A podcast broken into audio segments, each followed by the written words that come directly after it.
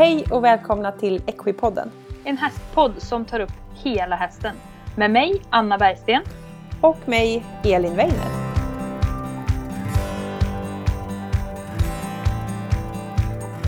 Hej på er och välkomna till veckans avsnitt av Equipodden.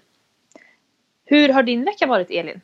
Den har varit bra, tack Anna. Det är en full vecka som vanligt och äh, flängt runt och hållit på. Ja, hur har din vecka varit? Men den har varit bra. Det är absolut jättebra. Och det har faktiskt varit eh, fantastiskt vårväder här. Ja. Och det känns här. som att livet börjar komma tillbaka till den lite. Verkligen. Jag tog en, ja. Eh, en förmiddag när jag var hemma och åkte ut i skogen med hunden och bara liksom var ute länge och gick. När solen sådär kommer mellan träden och det var så varmt. Och, oh, ja det är superhärligt och nu börjar jag känna att äntligen så kan man ta av de här brodden som jag inte är jätteförtjust i. Och snösulor och, och allt det här. Och det känns ja. jätteskönt. Och man får lufta pälsen. Man kan mm. ta av täcket en stund. Ja, de kan få vara nakenfisar. Ja. Ja, det är jättehärligt. ja, ja, så, så vad härligt. härligt. Men du, det här är ju faktiskt ett avsnitt som är lite ligger på dig kan man säga. Ja. Inte helt men det är ju faktiskt tömkörnings, fortsättningen av tömkörningsavsnittet som vi gjorde. Yes! Mm. Och så vad ska lite. du prata om idag? Jo, jag tänkte Eller att vi... vi... Ja, vad vi ska prata om. Nej, men vi ska fånga upp lite grann där med... Sist pratade vi om utrustning. Så har ni inte lyssnat på tömkörning del 1 så tycker jag att ni ska göra det. För där pratar vi om utrustning på hästen. Både vilken jord och tömmar. Och sen på, lite på ryttaren att man ska ha hjälm och, ja. och handskar och sånt. Och sen pratar vi lite på varför man ska tömköra och vad man ska tänka när man tömkör. Mm. Och hur man ska börja. Det var så långt vi hann mm. förra gången. Så vad ska du ta fram idag? Då tänkte jag att vi skulle börja prata lite om olika tömsättningar. Man kan sätta ja. tömmarna på många olika sätt. Och hur man får ett mer kvalitativt arbete på töm. Tänkte jag mm. vi skulle prata om. Yes. Ja, som jag tänkte börja prata lite om tömsättningar. Det finns ju jättemånga. Och i förra avsnittet... Tömsättning är ju så som man sätter tömmarna i bettet. Ja precis, mellan bettet och jorden och mellan mm. bettet, jorden och handen. Mm. Eh, och liksom förhållandet däremellan, hur man använder mm. sin töm. Och i förra veckan så pratade jag om att man kunde, det som jag kallade rakkörning när man börjar tömköra. Alltså ja. att man sätter tömmarna i de översta ringarna på jorden och sen rätt ner till hästens bett och så är det lika på båda sidorna och då kan man göra serpentiner och, och volter och svänga hur som helst och bara lära sig känslan i handen. Men oftast är den, det sättet kanske inte så kvalitativt. Jag brukar säga att det inte är så kvalitativt för rytt, den som kör oftast, alltså ryttaren då eller den som kör. För det blir mm. kanske, nej förlåt nu sa fel. Det blir Vad? mer kvalitativt för den som kör än för hästen. För man blir väldigt låst i den tömsättningen när, ringan, när tömmarna bara går de översta ringarna. Man kan ja. liksom inte göra något ledande tygeltag och det blir också bara att när jag tar i tömmen så åker den rakt bak. Ja. Den, går ju, den går ju genom ringen och där är den ju låst. Och då brukar så... jag jämföra med att om man rider är det som att man tar handen rätt upp i magen. Att man bara... Precis, jag skulle, skulle precis säga liksom att som jag då som inte tömkör. Mm. Och jättedålig på det. Ehm, jag kan ju bara jämföra med när man sitter på ryggen. Och det som jag, om man tänker bilden av när hästen har tömmen i bettringen bara igenom de översta ringarna på jorden. Då är det ju precis som att jag bara sitter och drar rakt bakåt. Precis. Så ja. det är något man ska ha med sig när man tömkör på det sättet. Att det blir väldigt bakåt och då kanske man inte kan få till någon bra form eller man kan inte hjälpa hästen att arbeta. Eller man kan inte använda så många verktyg för att få hästen att arbeta i en bra form. Men mm. för den som kör är det väldigt bra för att man får en lätt ridkänsla och man kan få den här känslan kring att jag verkligen kör hästen och inte bara hänger med bakom. Så att det är liksom, där är bra att börja och även om man får en, en konvalescent häst, om man har en skadad så säger veterinären ja nu får du skritta rakt fram i 20 minuter. Mm. Men då kan man ju göra det på det sättet ute i skogen till exempel eller på någon landsväg. Att man tömkör ja. rakt ut. Det är ju mycket bättre än att bara gå med ett grillskaft oftast. Absolut. Så det är bra att kunna rakköra både för häst och för ryttare. Och sen om man kommer upp lite granna och ska göra lite mer avancerade rörelser. Man kan göra galoppombyten eh, till exempel. På tömmen och då måste man ju kunna byta. Då får man rakköra för att man ska kunna byta varv och så. Ja. Eh, och även om man gör väldigt samling sådär på lite mer utbildade hästar brukar jag också rakköra lite för att få stabiliteten faktiskt. Men Spännande. Det som, man, det som jag oftast använder det är ett ledande tygeltag heter det. Och vi ska lägga upp lite bilder och så på det här också. Men ett ledande tygeltag då har jag det på insidan så jag kan bara gå i ett varv i taget. Och innertömmen då, den löper... Vänta, vänta, vänta, vänta. Ett varv i taget? Ja, jag går i höger varv en stund och sen byter jag tömsättningen och så går ah. jag i vänster varv sen. Okej, okej, okay, Jag tack. kan inte byta varv plötsligt. Nej, okej. Okay. Ja, då är jag med här. Ja, vad bra. Mm. Nej, så då går tömmen från min hand genom bättringen och sen tillbaka till jorden. Eh, vi har ju filmer på det och vi gjorde ju så när jag körde dina hästar. Ja. Eh, då får man ett ledande tygeltag och man blir mycket mer fri att jobba med liksom hela sin innerhand och kan verkligen leda och hjälpa hästen hitta en bra form. Yttertömmen är fortfarande rak, alltså från handen, högsta ringen på jorden och sen till bettet. Jag sitter här så. i min säng och gestikulerar hur... Ja. så, så om man tänker uppifrån eh, ryggen då, mm. Det ledande ty tygeltaget det är precis samma sak som när man sitter ovanpå. Ja, precis. Mm. Och det blir också att jag kan påverka huvudet direkt för att jag har ju, min hand går ju direkt till bettet. Ja. Tömmer från min hand direkt till bettet och sen tillbaka till jorden. Och då väljer jag oftast en väldigt låg ring ska jag säga också. Om jag ja. inte har en häst som dyker mycket då väljer jag en hög ring. Men jag börjar med en låg ring på jorden. Och eh, då får man en, en hel en helt ny verktygslåda. Och det, om man bara tar en sån enkel sak att man ska göra en öppna till exempel. Jag gillar att göra öppna. Mm.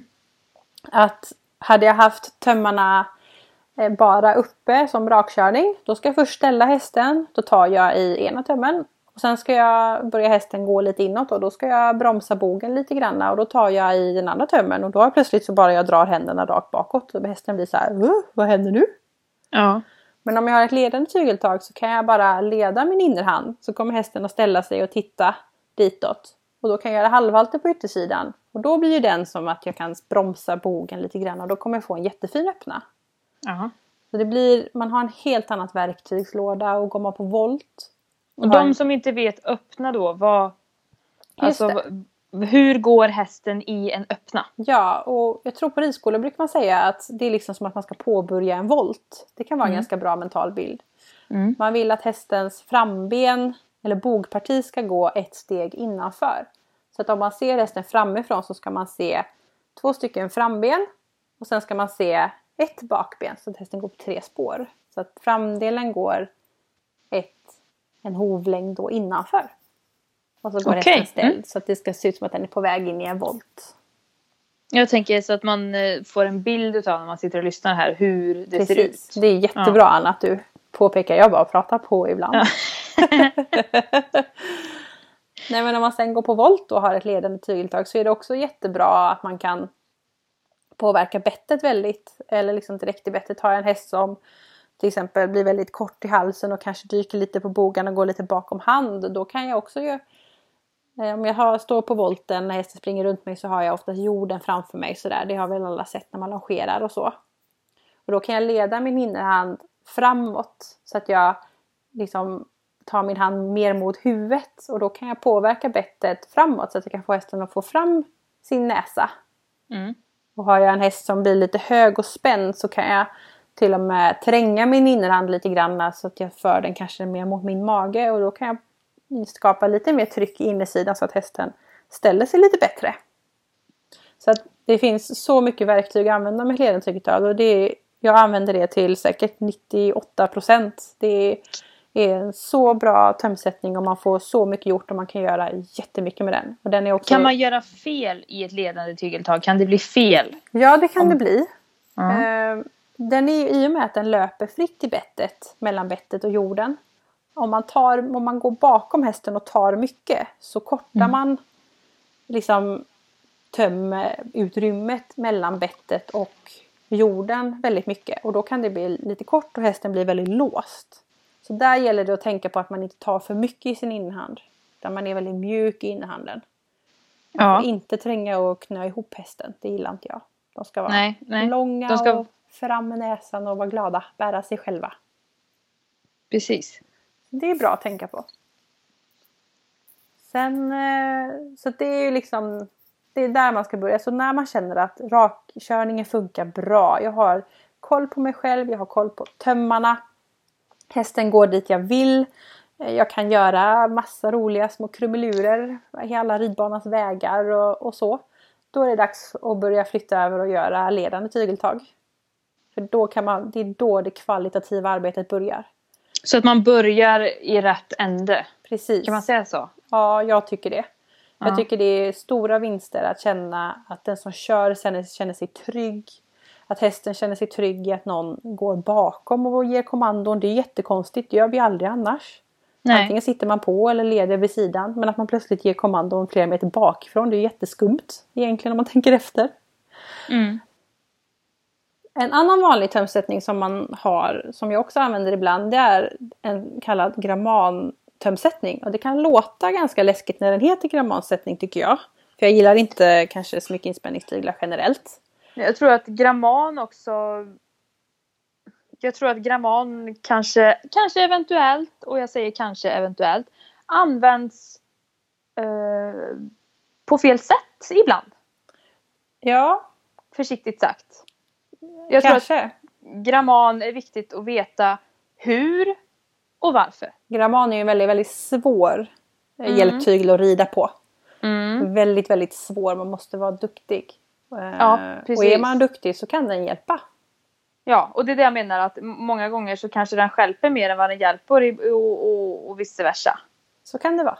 Ja, ibland så, så hjälper den kanske mer än vad den hjälper. Men ja, jag ja. tror att man ska vara försiktig när man rider med gramman. Ja, det ska man vara. Och mm. den här tömsättningen heter ju grammansättning och det kan, det låter ju, det kan ha en lite negativ klang. Mm. Eh, men det, den, det man gör då, det är att vi har alltid innersidan fortfarande ledande. Ja. Och yttersidan den löper ju om man börjar då från översta ringen på jorden till bettet. Men på grammansättningen då är det översta ringen på jorden, bettet och sen tillbaka till jorden. På en lite lägre ring då. Mm. Det blir som en trekant på utsidan. Mm. Eh, då blir man väldigt mycket starkare. Blir man. Och så hjälper... du som går bakom blir, blir yes. vassare mot hästen? Så kan yes. man säga? Yes. Ja. Och mina hjälper som jag gör de blir kraftfullare då, man blir starkare och de sitter också kvar längre. Om jag gör en halvhalt så sitter halvhalten kvar längre än om jag inte hade haft den här dubbla grammansättningen då. Ja. Eh, så det ska man vara väldigt medveten om om man sätter det. Och jag sätter det i, eh, i två fall. Ett fall när jag har en häst som är eh, väldigt mycket frihetskänslor. Får man säga så? Det kan att, vara en häst som... har frihetskänslor? Ja. Den kan skutta och bocka och skena runt. Det kan de göra ibland. Har ja. jag en häst som har jättemycket energi och man bara känner liksom hela hästen vibrerar och den har så mycket tryck i sig så känner jag att jag kan aldrig muskelmässigt sätta mig emot en häst. Det går liksom inte. Nej. Jag behöver Nej. mer kraft om jag ska få stopp på den här. Så då använder jag det lite i säkerhetsskäl att jag sätter dubbel just för att jag ska känna att när jag tar i hästen eh, så ska jag få en effekt. Har jag en väldigt pigg häst eller en häst som är nästan lite överpigg och, och jag inte har den sättningen då kan den ju lätt dra iväg mig som en vante. Precis. Så att jag börjar aldrig med den sättningen. Om jag inte känner, om jag inte känner hästen och jag vet eller de har sagt det, nu har han vilat en vecka här. Då, då kan jag göra det från början. Men annars gör jag det aldrig från början. Utan jag känner när jag har kört en stund att oj den här är på tårna, den kan explodera snart. Mm, så när du träffade mina hästar till exempel då? Mm. Skulle du satt en grammansättning på dem första gången? Nej det hade jag inte gjort. Nej. Och det, här, det, behöv, och det, kände, det behövdes inte heller. Men hade jag känt att, den var, att, det var, att det var tungt, att jag fick liksom verkligen hänga emot för att få ett stopp på hästen. Mm. Då hade jag gjort det. För jag vill inte hänga Men... hästen utan det ska räcka att jag ska ta en halvhalt. Liksom. Men du, de har, de har haft lite vila här nu så att du är hjärtligt välkommen nu. Ja. Och då skulle jag vilja att du säger så igen. Se om jag tänkte nu, samma. nu är det eventuellt lite spring i benen på dem. Ja, och då kan det vara bra som en säkerhetsåtgärd att, att göra så. Ja, och man kan använda det på rätt sätt. Precis, och då är det också mm. viktigt att komma ihåg om jag tar i den handen så kommer jag korta halsen ganska mycket. Om mm. jag dessutom har en häst som kanske springer då, då är det lätt att bli stark tillbaka. Det blir mm. man. Om hästen är stark mot dig så blir man stark tillbaka och är du stark så, mot hästen så blir hästen stark mot dig. Det blir lite dragkamp där. Yes. Och då vinner man mycket med att när jag tar då så kommer ju tömmen att kortas så kommer hästen bli kortare och kortare och kortare. Och där ja. finns ju en risk att hästen kan bli lite låst och få lite sån här panik. Shit, jag sitter fast. Och då kan den ju göra något utspel av den anledningen. Ja, ja. Så man ska vara försiktig men den kan användas som säkerhetsåtgärd med hästar som mm. är tunga. Eh, så. Sen använder jag den om jag har en häst som har väldigt, väldigt svårt att hitta sin yttersida. Att den okay. till exempel går på volten och verkligen flyter ut med bogen mycket. Ja. In, inte bara lite, det kan jag alltid korrigera med en vanlig sättning. Men har jag en häst där jag inte alls får tag i yttersidan.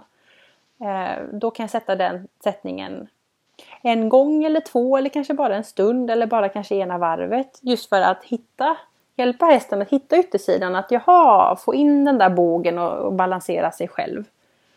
Så att de två tillfällena då kan jag använda grammanfattningen. Mm. Men inte annars. Då är det befogat? Ja. Jag tycker att om man ska välja en tömsättning eller vad som helst man ska göra med sin häst då måste man ha en motivering. Och kan man, man kan bara ha en motivering om man vet alla för och nackdelar. Absolut. Som grammansättningen då, ja, nackdelen är ju att jag har risk att dra ihop hästen. Men min motväger då det är att ja, men hästen kan skena iväg. Jag kan inte få stopp med den om jag inte har fattningen. Ja, då får mm. jag välja då i det här fallet. Men då vet jag ju riskerna och då kan jag också undvika dem. Eller hur? Ja, det, så är det ju absolut. Det är helt rätt. Mm. Så det gäller att hitta liksom för och nackdelar med allting hela tiden. Ja. Eh, men många man träffar, eller inte många ska jag verkligen inte säga, men det händer att man ser folk som tömkör eller man träffar folk och att man liksom sätter på det sättet på något sätt automatiskt. För att det blir så? Eller ja, för att man... eller som att det jag vet inte att det finns någon tanke kring att ska, när man tömkör så ska det vara mycket tömmar och det ska vara mycket linor och rep och det ska sitta hit och dit liksom och då sätter man mycket konstiga inspänningar ibland. Men då känner jag spontant att hästen kanske inte bär sig själv på det sättet som man önskar. Precis. Eller har jag fel? Nej, för då blir det ju mer precis som man rider med en gramman för att hjälpa hästen. Då, då kan ju grammanen hjälpa hästen till en form då. Men hästen kanske inte bär sig själv alla gånger. Nej. Och det är samma sak här att man kan att det kan se snyggt ut fast det kanske inte riktigt är 100% hästen som gör det själv utan jag bär hästen in i formen till exempel. Mm. Sen är det lite sådär svårt. Eh, träffade en unghäst idag som var väldigt på tårna och var väldigt skuttig. Jag ja. hade en grammanfattning just för att känna men här behöver jag få stopp på hästen. Men samtidigt blev han ju väldigt kort så en unghäst är också så här jättekänsligt. Den vill man ju verkligen inte ska bli kort. Den måste ju lära sig att gå få lång hals. Där vill man verkligen ja, där vill man ju ha ett framåt-tänk. Precis, så där vill man verkligen inte ha den sättningen. Men samtidigt var det ju säkerhetsmässigt då att nu får vi ha den här sättningen men han var inte tömkörd så mycket innan så han behövde bara få lära sig att vara tömkörd och liksom börja där. Och sen när han har liksom fattat grejen att man behöver inte flyga runt som en tok eller så. Då, då kan man ju ta bort den och börja jobba. Vi sa det när vi körde, nej men idag var, handlade det mer om att bara bekanta sig på tömmen. Det var inget liksom, inte åstadkomma något arbete idag, sa vi. Nej, nej precis. Eh, så så är det också. Så att den är väldigt bra att tänka på. Men jag har också sett hästar eller träffat hästar som har gått med grammanfattning både på inner och yttersidan. Och eh, det är ingenting som jag förespråkar. Eh, ska jag säga. För då blir hästen väldigt, väldigt låst. Och de kommer liksom inte riktigt kunna ställa sig och forma sig så utan de går rakt fram. Och huvudet är på det stället där man har satt hästen genom den här tömsättningen då. Så att ha ett leden tag på innerhanden. Börja med att bara ha yttertömmen rak. Och sen eh, sätt på en dubbel om du har ett problem. Och, och, testa. Tycker du att din bog åker ut så testa och sätt på en grammanfattning i två, tre varv och så titta vad som händer. Blir hästen kort? Faller ner eller, skutt, eller gör utfall för att den känner sig låst? Ja men då var det inte bra för dig. Men får men du hästen i balans du... så visst. Mm? Ja, du, du sa att eh, om man har ett visst typ av problem så är det befogat att använda. Vad, mm. vad skulle det kunna vara för problem? Just på grammanfattningen tänker du? Ja, precis. Ja men eh, att hästen rusar. Vissa sätter lite i system att tömkörning betyder skena runt. Okay. Eh, det kan också vara en sån här grej att man ska ha en chans att bromsa hästen. Eller ja. att bogen åker ut för mycket. Ja. Och det är ja. framförallt på voltarbete tycker jag. Ibland gör de det på skänkevikningar och sånt också. Ja. Och då kan man sätta det där också. Men då, ska man ha, då får man testa, se till att hästen kan skänkevikning. Att den kan göra riktiga skänkevikningar. Att det inte handlar om eh, att den som kör inte riktigt tajmar hästen rätt in i skänkevikningen. Okej. Okay. Eh, att den skjuter ut bågen för att det är den som kör som inte tajmar rätt riktigt. För det är också mm. ganska vanligt. Eller så känner jag, om inte jag gör helt rätt så kommer all hästen göra rätt. Nej men så är det, man måste ge dem en ärlig chans och då ja. måste man ge dem förutsättningarna. Precis, och då kan man inte känna, eller då tycker inte jag att man ska tänka att ja men det här gick inte, jag måste sätta på en tuffare inspänning. Utan tänk själv så här, hm, gjorde jag rätt nu och hur kan jag göra det bättre? Och det är ju helt, det är ju jättebra att du säger det för att det är ju vill man att hästen ska göra någonting så får man ju försöka göra rätt och inte bli arg på dem. Precis. För att man får ju lära dem. Det är ju jätteviktigt. Precis. Och det är också sådana här saker om att ha skänkevikning till exempel. Att det är väldigt, väldigt vanligt och det händer för mig alla gånger jag tömkör också. Någon skänkevikning då rinner hästen iväg. Och så ställer den sig jättemycket i ena hållet och bågen är sju mil åt andra hållet. Och man bara, ah vilken banan! Ja. Och då åker huvudet Banan. upp. Banan! Ja, eller ja. jag vet inte. Ja, jag förstår vad du menar. Ja, det, jag förstår vad du menar. Allt åt alla fel håll och huvudet upp. och då kan, då kan man fråga sig, ja men nu åkte huvudet upp, det var ju inte så roligt. Bara, Nej, men huvudet är ju hästens balanspelare lite granna. Om hästen ja. nu är så skev så att det, liksom, det ser så konstigt ut. Då kan man ju aldrig kräva att hästen går i form. Om inte du sätter hästen i balans och hjälper hästen göra den här rörelsen på rätt sätt då kan man aldrig kräva att formen blir. Jag tittar ganska sällan på huvudet. Jag tittar ofta på benen och kroppen. Sätter jag hästen i balans och hästen gör övningen rätt då kommer huvudet trilla ner sen. Exakt. Det är ju så Helt enkelt rätt. va? Mm. Helt rätt. Det låter så himla enkelt. Ja. Så att, eh, ja det är lite klurigt. Men ja men det är, bara, det är ju bara att, att jobba på. Ja. Alltså det, det är ju bara att nöta och ingenting Ingenting händer ju över en natt. Nej. Och våga Utan... testa lite. Mm. Alltså gör en skänkelvikning, oj den blev katastrof. Ja mm. men gör några till då. Mm. Eller liksom gå på volten och kanske inte hitta formen riktigt. Ja men låt den gå några varv och liksom börja jobba successivt. En sak i taget. Hitta stödet på ytter. Börja ställa hästen lite granna. Halvvalter på ytter. Åh, funkar det? Det funkar inte. Nej men låt hästen hitta sin balans i några varv. Ge den lite tid. Man kan inte bara kräva för mycket från början.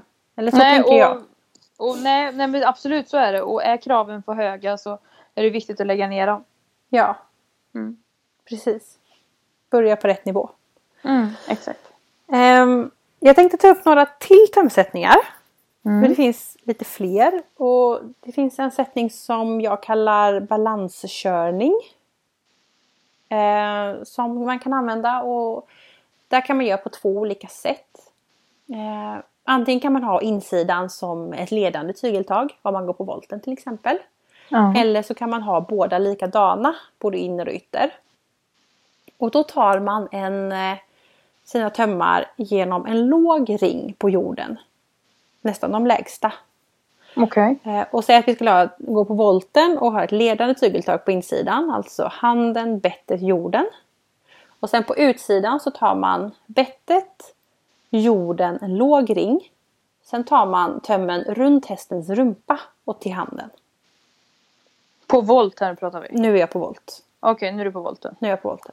Och det är egentligen där som det är, man har den här, att gå rakt fram på det här, det kan bli lite knivigt.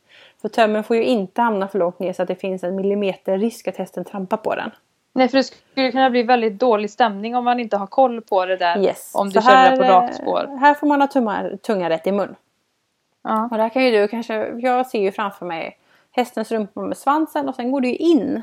Och sen går det ut till hasen. Eller hur? Men, vänta lite, nu hängde inte jag alls med här. Vad sa du? Ja men om man tittar på hästens rumpa ja. så har man ju svansen där uppe. Ja, ja, så du menar att det går in? Ja, ja, ja, ja. Ja, då ja. går det in lite grann och sen ja. går det ut till hästens has. Ja. Den här där det går in, där ska tömmen ligga. Okej. Okay. Mm. Hänger med rumpmusklerna och så är det väl något fäste med, där. ja, jag med. ja, där ska tömmen ligga. Mm. Och när man använder den, det kan vara om hästen är lite sned och kanske sätter ut ett bakben på volten. Att han har svårt att trampa under sig med ytterbak. Mm. Om jag då sätter tömmen runt rumpan så blir hästen dels mer medveten om att hästen har en rumpa. Det är inte alltid de har koll på det. Nej absolut inte. och, och att man faktiskt kan dra då lite i eller liksom att den trycker lite mot rumpan så att hästen liksom faktiskt tar in sitt ytterbak lite under sig. Och det är samma sak som man har såna equiband och sånt. De går ju också runt där. Just för att ja, göra hästen mer, tänker... mer ja. medveten om att ha sin bakdel. Ja, jag tänker det här longeringssystemet som finns. Just det, det finns det går, Det går väl så? Eller? Ja, det går också runt. Mm. Om man har antingen det longeringssystemet eller om man tömkör med att sätta där. Det man ska veta då det är att även när hästen gör rätt och du blir still i handen så kommer hästen alltid få ett ryck i munnen. Eftersom att tömmen vilar på bakbenen och bakbenen rör sig om vi till exempel tar trav. Så travar hästen och då går ju bakbenen fram och tillbaka. Och det betyder att det kommer bli ett svaj i traven i takt med hästens ben. Eller hur? Mm. Mm. Och det kommer resultera i ett ryck i hästens mun. Ja, ja, ja precis. Eh, så att man ska ha med sig det att även när hästen gör rätt och du berömmer den så kommer det ändå bli ett ryck i hästens mun som den kanske inte upplever som en belöning. Att det blir liksom att den tycker det är konstigt att jag gör rätt och det känns bra men det, det, är inte stilla. För när man rider kan man bli helt still i munnen även på tömmen. Att man är stilla och bara Gud vad duktig du är nu liksom. Ja. Men det kan man inte göra på den tömsättningen. Det är okay. viktigt att veta det. Ja. Sen är det också en risk som jag ser att man när man sätter i en sån låg ring så är det risk att man bara påverkar hästen bakåt nedåt. Alltså att du kan ta hand, det är som att ta handen rakt bak eftersom att det går från bettet till jorden i en ring. Ja. Så det är bara rakt bak. Och det är också väldigt lågt så det finns en risk att hästen bara knäpper av halsen och bara uh, dimper ner på frambenen. Ja. Så det får man ha lite koll på. Så att har du ett specifikt problem med ditt bakben så kan du testa. Men det är ytterst sällan jag gör det kan jag säga. Man kan träna på andra sätt också för att få tag i de där bakbenen. Mm. Och absolut, tänk på säkerheten om ni testar den sättningen alltså. Ja, för jag känner att tänk om man, om man har tummen sådär och så sparkar hästen bakut och ja. så trasslet är ett faktum. Yes. Så man ska ju kanske ska man vara lite varm i kläderna när man provar man det? Man ska vara väldigt varm i kläderna. Ja. Man ska behöva ta av sig jackan innan man börjar med det. så varm ska man vara. Mm. Eh, om man ska känna sin häst såklart. Har du en häst som bockar eller har tendenser till att skutta lite då, då kan man aldrig göra den tömsättningen. Eh, faktiskt. Men man ser den. Eh, så därför vill jag ta upp den. Det är viktigt att tänka på de riskerna också. Mm. Faktiskt.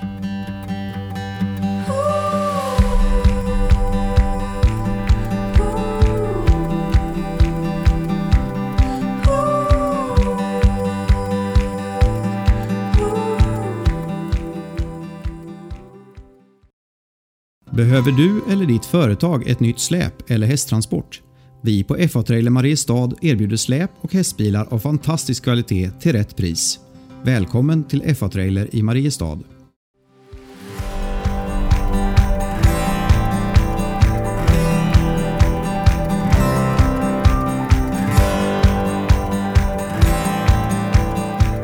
Eh, ja, den sista tömsättningen jag tänkte ta upp det är en så kallad ställare.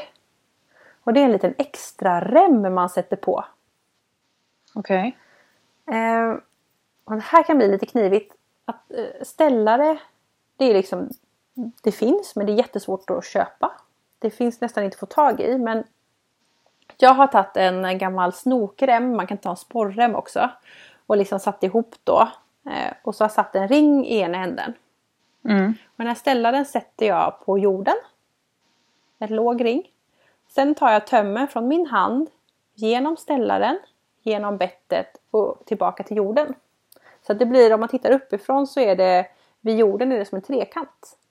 Ja, precis. Jag ska lägga upp en bild på det här också. Så håll utkik på Equipoddens sociala medier både på Facebook och Instagram. Eh, och eh, den Hjälpen med den det är att man får en extra liten brytpunkt i nacken. Så man har lättare att få en stadig ställning hos hästen. Ja. Den här, jag kan använda den om jag till exempel träffar en ridtravare eller en häst som förut har kanske gått på travet och sen ska bli ridhäst. Då är det lite svårt för dem att förstå, de är tränade att springa rakt fram. Och man ser ofta det, när de går på volt så ser det ut som att de fortfarande vänder med vagn. För det det är det de är tränade på, det är så de tänker. Precis. Men när vi rider så vill vi lära dem att forma sig och runda sig och det kan vara jättekonstigt i början. Ja. Och då kan tömkörningen göra under och har man en sån här ställare så får man en stadig hjälp att hjälpa hästen att börja ställa sig i nacken. Och när den då börjar ställa sig i nacken och bogen så kommer liksom den att fatta lite. Den kommer få väldigt bra hjälp. Eh, så det är ett bra tips att ha en sån. Eller bygga en egen. Jag har också en kund som har en lite grövre häst som är lite äldre. Han är lite stel i den sidan. Och det var jätteroligt. Vi kämpade med att han skulle ställa sig eh, inåt. Och det var segt alltså. Och vi höll på där varv på varv på volten. Säkerligen 10 varv, säkerligen 15 varv. Och så sa jag bara stanna bara, nej vi sätter på en ställare sa jag. Vi testar. Satte jag på den här. Och då tog det ett varv så hade han världens finaste ställning. Ja. Och vi bara, ja varför ska jag bråka i 15 varv när jag kunde få det på ett varv? Det var ju jättemycket bättre. Så att har du en som är svårt att ställa då är en ställare något att titta på. Faktiskt. Ja. Och det kan också vara så att det kanske räcker, som en ridtravare till exempel som precis börjar sin ridkarriär. Att man kör den i några månader eller så. Och liksom lär hästen grunden och, och sen kommer det kanske inte behöva den för att hästen fattar grejen. Precis. Och det är ju superbra. Mm. Det gäller att använda Alltså tömkörning har så otroligt mycket verktyg i sin låda. Och det gäller att mm. verkligen använda alla. Och tömsättningar, det är en verktygslåda. Mm. Att ja absolut, ja, men det är ju som ridningen. Ja. Olika typer av övningar, bara det att du gör dem på töm och i olika tömsättningar. Precis. Det är ju fantastiskt. Och just att vi har tömsättningarna och liksom synen och se hästen och, och använda det. Det är jättebra. Det är samma sak, ja, jag sa ju det lite fort där med det vanliga ledande tygeltaget, alltså handen, bettet, jorden. Mm. Om man sätter den högt eller lågt, det ger också jättestora effekter. Så har du att din häst inte riktigt går i en form som du kanske önskar. Då kanske det räcker att flytta den här tömmen några ringar upp eller ner längs jorden så kanske du får precis det du vill ha. Så ja. titta på hästarna, våga testa och liksom se, det, se vad det kan bli. Det kan bli jätte, jättebra.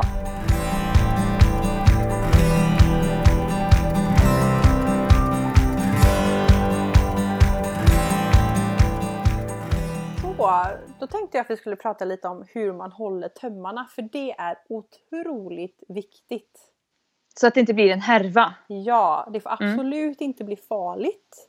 Alltså det är ju liksom nummer ett då. Jag är allergisk mot sådär jag kallar det farliga öglor när man liksom virar så att du kan klämma hela handen. Jag bara ah, håll inte tömmarna så. Nej. Eh, och sen så är det också så här desto bättre koll man har på sina tömmar desto lättare är det att tömköra. Ja. För jag känner själv när jag tömkör, jag kortar och jag länger och jag hänger med hästen och man liksom kan jag göra det på automatik så kan jag fokusera 100% på hästen. Och då får jag ett bra arbete. Men måste jag tänka och stanna och greja med tömmarna då, då, då går det tid åt det. Och att bli bra på att ta upp och hålla tömmarna det tar tid. Och det är ja. supertråkigt att träna. Men man får så himla mycket tillbaka om man eh, lär sig det. Så jag har en eh, instruktionsfilm så jag tänkte jag lägger ut den på våran sida. Mm. Eh, och man får egentligen hålla precis som man vill. Men jag gillar att hålla lika mycket töm i båda händerna och jag håller också tömmen som när jag rider. Eh, det pratade vi om sist, att den går mellan lillfinger och ringfinger upp i handen och så lägger man tummen på. Mm. Och det liksom ger mig en bra känsla och ridkänsla. Eh, men det viktiga är att inte göra öglor som kan, där du kan fastna i. Det vill jag verkligen trycka på. Mm. Och jag brukar säga till mina kunder att men sätt fast tömmarna i stallet och så bara ta upp dem i handen så det känns bra. Och så släpp dem. Och så ta upp dem i handen och liksom bara traggla. För mm. det, det kommer att ge jättemycket i slutändan. Men nu har du ju gett ut massa bra saker till att börja våga prova här. Ja. Det är nästan så att jag skulle börja prova. Ja, jag tycker att vi ska låta dig testa snart. Du det måste ju jag. testa att tömköra lite grann. Så farligt är det inte Anna. ja, vi kanske, det kanske blir ett helt avsnitt av bara det. Ja. ja din... I alla fall kanske eventuellt en väldigt rolig film. Ja, och din upplevelse kring att tömköra. Det kan bli hur kul som helst. Ja, men det kanske är någonting som vi ska göra. Ja, men verkligen det tycker jag. ja. Nej, Hur men, känner du? Känner du dig nöjd med ditt, eh, dina verktyg som du har eh, gett ut här nu? Ja, men jag tror det. Vi har pratat mm. om eh, hur, varför man ska tömköra, hur man blir bra på tömkörning. Vi har pratat om tömsättningar, hur man börjar eh, och vi har pratat om hur man håller tömmar och vi har pratat utrustning. Sa jag det? Ja. Nej, ja. jag vet inte. Jag kommer inte heller ihåg. Du sa det igen, det är bra. Man kan inte säga en sak för många gånger. Så att, jag tror vi har fått med väldigt, väldigt mycket och det känns eh, jättekul. Och vi kommer prata mer om tempkörning. Det här är inte det enda. Men det, var, det känns bra att lägga ett grundavsnitt så att man kan lyssna igen och, mm. och, så, och, och, ta hjälp. Om ja. ni känner er osäkra, ta hjälp. Mm. Så att, eh, det känns jättekul. Mm. Roligt. Härligt. Så... Återkommer i ärendet om det här med att, att vara rookie och börja. Ja. Mm. Vi ska utsätta Anna för det här och så ska vi Ska hon få göra en helt, ett helt avsnitt om hur det kändes sen? Nej. Ja, men jag, du ska, ska vi göra ett, ett helt avsnitt om hur, vilka problem jag hade med att hålla i tömmarna så att det inte blir ett härvtrassel. ja, det är inte så lätt. Nej, men eh, hem och prova. Hem och prova. Och man kan ju faktiskt lyssna på oss samtidigt som man provar. Ja. ja. Man kan skriva ner lite och fundera lite, ha med sig oss i öronen och så se vad man hittar på. Precis. Våga testa säger jag. Mm. Ha med dig någon som leder hästen så känns det inte så farligt.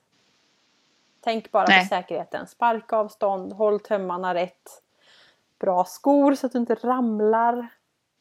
Bra utrustning. Hjälm. Så viktigt med hjälm. Mm. Mm. Vad härligt! Men mm. Eh, då är vi färdiga med det här avsnittet och vi har ju massa kul som väntar. Alltså vi har ju någonting framför oss här nu nästa avsnitt som faktiskt ganska många har frågat efter och det är ju patella. Ja. Och patellan är ju faktiskt hästens bakknä heter det då i om man inte pratar anatomiskt. Just det. Eh, och så det kommer vi ta upp nästa vecka. Mm. Så det är patella, vi kommer ta upp patellaleden, hur är den uppbyggd? Vad, vilka problem kan man få mm. med patella och vad är patellupphakning? Just det. Och det är ju mm. väldigt många hästar som har det. Ja, och det finns ju väldigt många olika former av patellauppakning. Mm. Eh, och eh, det ska vi prata om i nästa avsnitt. Ja, så har ni frågor om det, skicka in till oss. Man kan mm. ju mejla oss på info.equipodden.se. Och, och det, vi kommer ju podda det här på söndag. Vad är det för ja. dag idag? Det är söndag idag. Det är söndag idag. Men näst, nästa söndag kommer vi spela in det avsnittet. Så eh, Precis. har ni någonting så hör av er så vi kan få med det. Precis. Man får jättegärna skicka in ett case. Det har vi pratat om innan.